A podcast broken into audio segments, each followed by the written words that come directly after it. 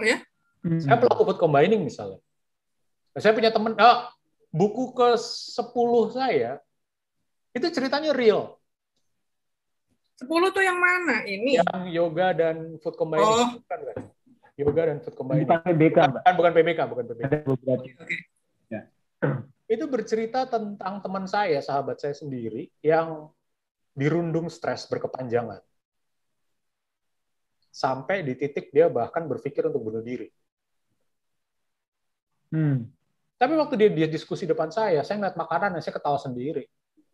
Ya iyalah masalah lu nggak beres-beres, yang lu makan kayak gitu, yang lu minum kayak gitu, saya bilang kayak gitu, saya bilang itu sama dia. Ya udah, dia patuh sama saya, dia kerjakan apa yang saya sampaikan. Uh, butuh waktu tiga hari prosesnya, dan dia karena dia kan kecanduan kopi. Ya saya, bilang sama dia, oh, itu, itu salah satu poin saya gitu ya selama lo masih bisa, selama lo masih bergantung sama kopi, jangan harap bisa lepas dari stres. Jadi tiga hari itu dia mengalami, hmm. mengalami masalah berat. Uh, tubuhnya berusaha melepaskan uh, detoksifikasi gitu, dikafeinisasi dari dari dari kebutuhan tubuhnya akan unsur yang yang biasa muncul.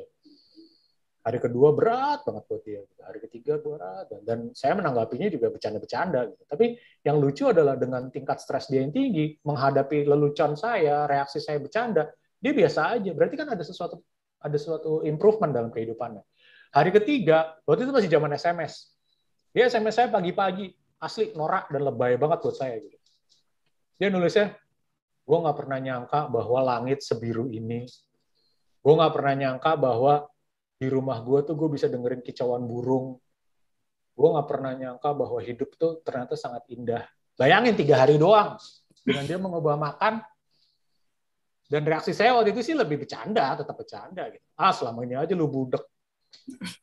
Ah, lu mungkin, lu mungkin rabun senja kali nggak tahu kalau matahari apa kalau langit itu biru. Pokoknya saya bercanda-bercandain gitu. Tapi dia menyikap dengan kata lain apa? Masalahnya tetap sama Masalahnya sama persis. Yang beda apa? Cara dia menyikapi uh, masalah tersebut dengan apa? Dengan realistis, dengan mengubah pola makannya dia. Jadi dengan makan yang benar, stresnya bisa dikendalikan. Hmm. Keren kan? Udah makan benar, kesehatannya terkendali, kualitas hidupnya terjaga, stres juga ter, ter, ter, apa, terjaga gitu nggak nggak nggak merusak. Jadi kalau ada orang pertanyaannya kayak gitu, apakah apakah karena stres penyakit saya nggak sembuh sembuh? Enggak, bukan stresnya, pola makannya nggak benar. Tapi saya selama ini menjalani pola makan sehat, berarti belum sehat pola makannya. Dikira sehat, padahal nggak sehat. Nah itu banyak. Nah itu ya pola makannya dikiranya sudah sehat, katanya belum gitu. Jadi eh, kambing hitamnya adalah stres dan si luka hati tadi yang exactly. terpendam gitu. Exactly. Oke. Jadi mungkin harus di anu ya. Nah, bagaimana di... pola makan yang sehat, Mbak? Bagaimana pola makan yang sehat ya? Saya pikir perlu baca buku-buku ini ya, buku-buku Ya karena banyak mitos-mitos yang yang selama ini ada di dalam pikiran kita sehingga uh, kita salah begitu kan? Kayak tadi bubur gitu kan. Ya. Tapi balik ke masalah misalnya Mas Bobi ditanya gitu, gimana Mas oh, makan sehat dong? Orang kayak Mas Bobi kan masih bilang, ah saya udah makan sehat kok. Just because of belum ada penyakit yang muncul kan. Gimana sarapan? Oh saya sarapan bubur. Pasti nggak pernah. Misalnya Mbak Amanda udah hidup sehat belum? Oh selama ini baik-baik aja makan saya. Misalnya, misalnya ya gitu. Misalnya ada ada masalah penyakit terus gimana makannya selama ini? Ah saya makannya baik-baik aja, sehat-sehat aja. Without knowing bahwa apa yang dimakan, apa yang diminum sebenarnya yang rusak kesehatannya kan. Nah, iya. tujuan saya nulis kayak gini kan sebenarnya nggak lihat kayak gitu. Iya, iya, iya, betul. Iya. Tapi memang bukunya Bang Manda dan Mas Erika. Iya, silakan Bang Manda. Enggak, aku tadi cuma mau mengutip bukunya Mas, Mas Erika tuh memang kalimatnya lucu-lucu gitu. Jadi membuat orang tuh kayaknya lebih lebih mudah untuk mengerti ya mungkin tertohok-tohok tersinggung-singgung sedikit gitu tapi uh, tapi uh, at the end mah diketawain aja oh iya bener ya kurang ajar nih gua banget gitu kan. Ah iya iya iya banyak yang kaget gitu dari buku Mas Erika yang paling saya suka buku yang pertama ini mitos dan fakta kesehatan ya. Uh, mengapa saya katakan saya suka? Karena di bagian di dalam buku ini anda menjelaskan mengenai sistem pencernaan manusia, uh, ya bagaimana juga tentang pola makan yang sehat ya tentang sayur-sayuran dan sebagainya yang selama ini menjadi buat kita begitu ya. Nah, uh, dengan Anda paparkan di dalam buku ini secara lebih lengkap, oh ternyata begitu toh. Maka juga saya jadi akhirnya paham, oh ternyata yang namanya bubur itu bukan makanan ringan karena ya saya kasih bocoran kalau kasih bocoran nanti orang beli bukunya gitu ya Mbak Amanda ya. Iya iya iya iya. Oke. Ada pertanyaan lagi Mbak Amanda? Oke, kita lihat di uh, Zoom lagi berarti ya. Kembali ada ya. ada Pak Andriono. Waduh, Pak Andriono ada tiga. Saya bacakan, saya pilih dulu ya hmm. Pak Andriono ya. Jadi oh, yang sebelum pertama, dibacakan Mbak Amanda, hmm? kita harus mengingatkan Mas Erikar, pilih tiga penanya yang terbaik ya Mas. Oke. Okay. Uh, eh, terlepas jangan uh, Afifah tidak masuk, jadi tiga penanya terbaik yang akan akan pertanyaannya uh, nanti akan diberikan hadiah oleh PBA. Gitu. Silakan Amanda. Ya, baik. Pak Andriono ya, pertanyaannya apa betul pola makan nasi lalu makan buah itu salah? Uh, di Amerika ada wanita yang umurnya 100 tahun lebih dan salah satu resep panjang umur adalah mengurangi makan malam yang berat. Itu apakah pengaruh makan malam berat itu untuk kesehatan buruk gitu maksudnya. Kemudian di Inggris dan di Jepang kan ada kebiasaan minum teh dan teh hijau itu kabarnya menyehatkan. Menurut Mas Erikar bagaimana katanya? Silakan Mas. Eh ada satu lagi. Apa pengaruh puasa terhadap peningkatan imun? Oke, okay, hmm. kalau yang pertama bet, apa pola makan nasi lalu makan buah salah salah salah banget. Udah saya jelasin kok di mitos dan fakta. Yang ini yang ini yang ini. Yang pertama yang pertama. Nah, betul. Udah dijelasin di situ. Jadi buah itu ya secara sederhananya lah gula buah itu punya sifat agresif yang merusak apa pun yang dicerna secara bersamaan. Jadi kalau kita makan terus baru makan buah ya apa yang kita makan buahnya rusak, yang dimakan juga ikut rusak. Dari situ lahir lahir hmm. pemahaman salah bahwa oh makan buah bikin sakit lambung. Bahkan even dokter aja banyak yang percaya kayak gitu. Jadi jangan makan buah dalam keadaan perut kosong. Uh, jangan makan buah anu kalau lagi sakit lambung atau atau lagi oh jangan makan buah nanti sakit perut bahkan ada yang kayak gitu gitu ya itu itu lahir dari pemahaman pemahaman uh, bukan salah buahnya bukan salah makanannya tapi cara makannya yang salah makanya kan hmm. salah satu ilmunya food combining yang diajarkan itu adalah Bagaimana caranya jadi sehat dengan mengkonsumsi makanan yang tepat, tapi sesuai dengan cara kerja sistem cerna kita, gitu. Bukan cuman makan makan nasi merah sehat, makan tahu sehat, makan tempe sehat, makan sayur sehat, makan buah sehat, sehat bener. Tapi kalau dimakannya barengan, jadi nggak sehat. Hmm. Ya, jadi kita tahu caranya bagaimana. Terus apa betul makan yang benar makan eh itu udah ya. Betul, makan malam berat itu loh. Katanya ya. ada yang Ini aja pertanyaannya kan sebenarnya udah rancu sendiri.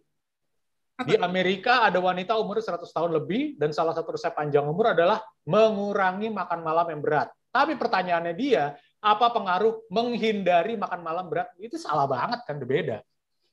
Mengurangi makan malam dan menghindari makan malam adalah dua fakta yang berbeda total. Hmm. Hmm mengurangi makan malam itu benar.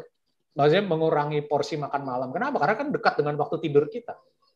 Harus kita harus selalu tidur dalam keadaan perut yang kosong, perut yang ringan. Gitu. Karena ya energi tubuh kita dipakai untuk yang lain waktu kita tidur. Tapi salah banget kalau konteksnya menghindari makan malam. Yang benar adalah makan malam di waktu yang tepat dengan porsi yang tidak terlalu berat supaya kita bisa tidur dengan nyaman, tidur dengan benar. Gitu. Itu itu dua hal yang berbeda total antara menghindari dan mengurangi. Jadi harus harus lebih jelas persepsinya. Nah, kalau kalau makan malam sesuai dengan jamnya, sesuai dengan porsinya, sesuai dengan apa yang dimakan, itu benar, itu salah satu eh, syarat untuk menjadi sehat. Ya, ya. Oke, pertanyaan yang keduanya di Inggris minum teh. ada kebiasaan minum teh dan teh hijau kabar. Nah, ini kata kabarnya kan sifatnya nggak jelas ya.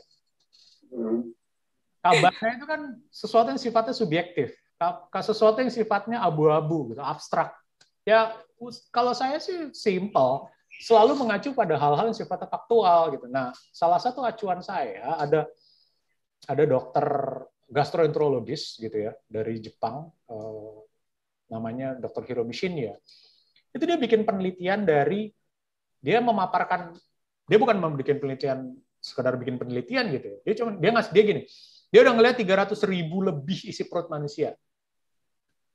Dia ngelihat wow. dia ngelihatnya selama 50 tahun karirnya sebagai dokter, lebih.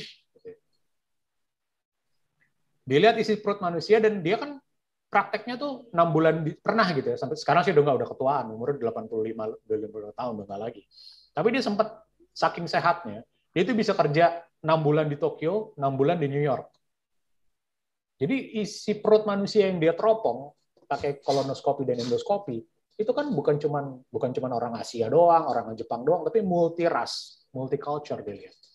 Semua sama menurut dia. Orang yang ususnya sehat pasti badannya sehat.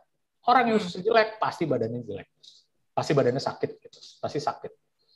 Nah, muncullah kemudian dari dia, dia sendiri orang Jepang loh, dia yang ngomong, orang yang rutin minum teh, orang yang rutin minum teh hijau terutama, itu dinding ususnya semua rusak, jelek. Bahkan dia secara spesifik, oh. dia secara spesifik bilang, di Jepang tuh ada ada profesi terhormat pencicip teh. Semua yeah. pencicip teh yang jadi pasien saya, ususnya rusak nggak ada yang sehat. Ya udah mau dibilang uh, walaupun memang ada penjelasannya ya, kan yang yang sehat yang, yang antioksidan yang yang yang spesifik dari teh hijau itu namanya tanin.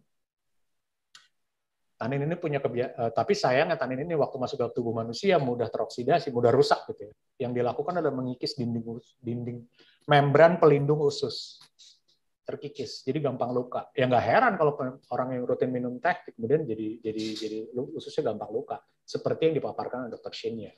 Jadi kata kabarnya, katanya, dengar-dengar atau atau yang lebih lebih lebih lebih lebih general lagi, lebih luas lagi ada yang bilang kayak Uh, oh kan orang orang orang Cina sehat-sehat, orang Jepang sehat-sehat. Dari mana? Kita lihat dulu angkanya orang Jepang memang di Okinawa itu adalah penduduk dengan centennial, usia centennial 100 tahun ke atas, terbanyak di dunia 100 ribu. Tapi keluar dari Okinawa, sama aja orang Jepang juga penyakitan. Jadi kita harus berbicara hmm. sifatnya faktual, objektif. Gitu. Jangan jangan yang sifatnya subjektif. Apa pengaruh puasa terhadap peningkatan imun?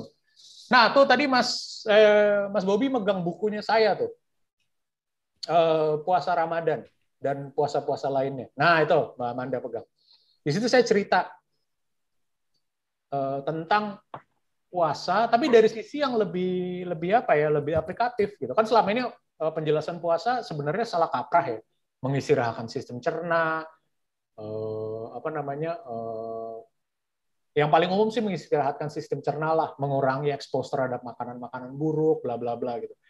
Sebenarnya itu nggak terlalu salah, tapi pada prinsipnya sistem cerna kita nggak pernah istirahat, dia kerja 24 jam. Gerakan peristaltik hmm. usus mau bergerak terus, mau ada yang dipijit, mau ada yang enggak, yeah, yeah. mau ada makanan yang digerakin enggak, dia gerak terus gitu. Tapi terus uh, bicara mengistirahatkan sistem cerna selama puasa kadang-kadang nggak benar juga gitu. Kenapa? Misalnya saya sebagai muslim puasa di bulan Ramadan, sahur dulu sebelum saya kenal food combining, itu kan semangat sahurnya kayak nggak makan setahun. Iya, iya. Sahur, meja makan harus penuh.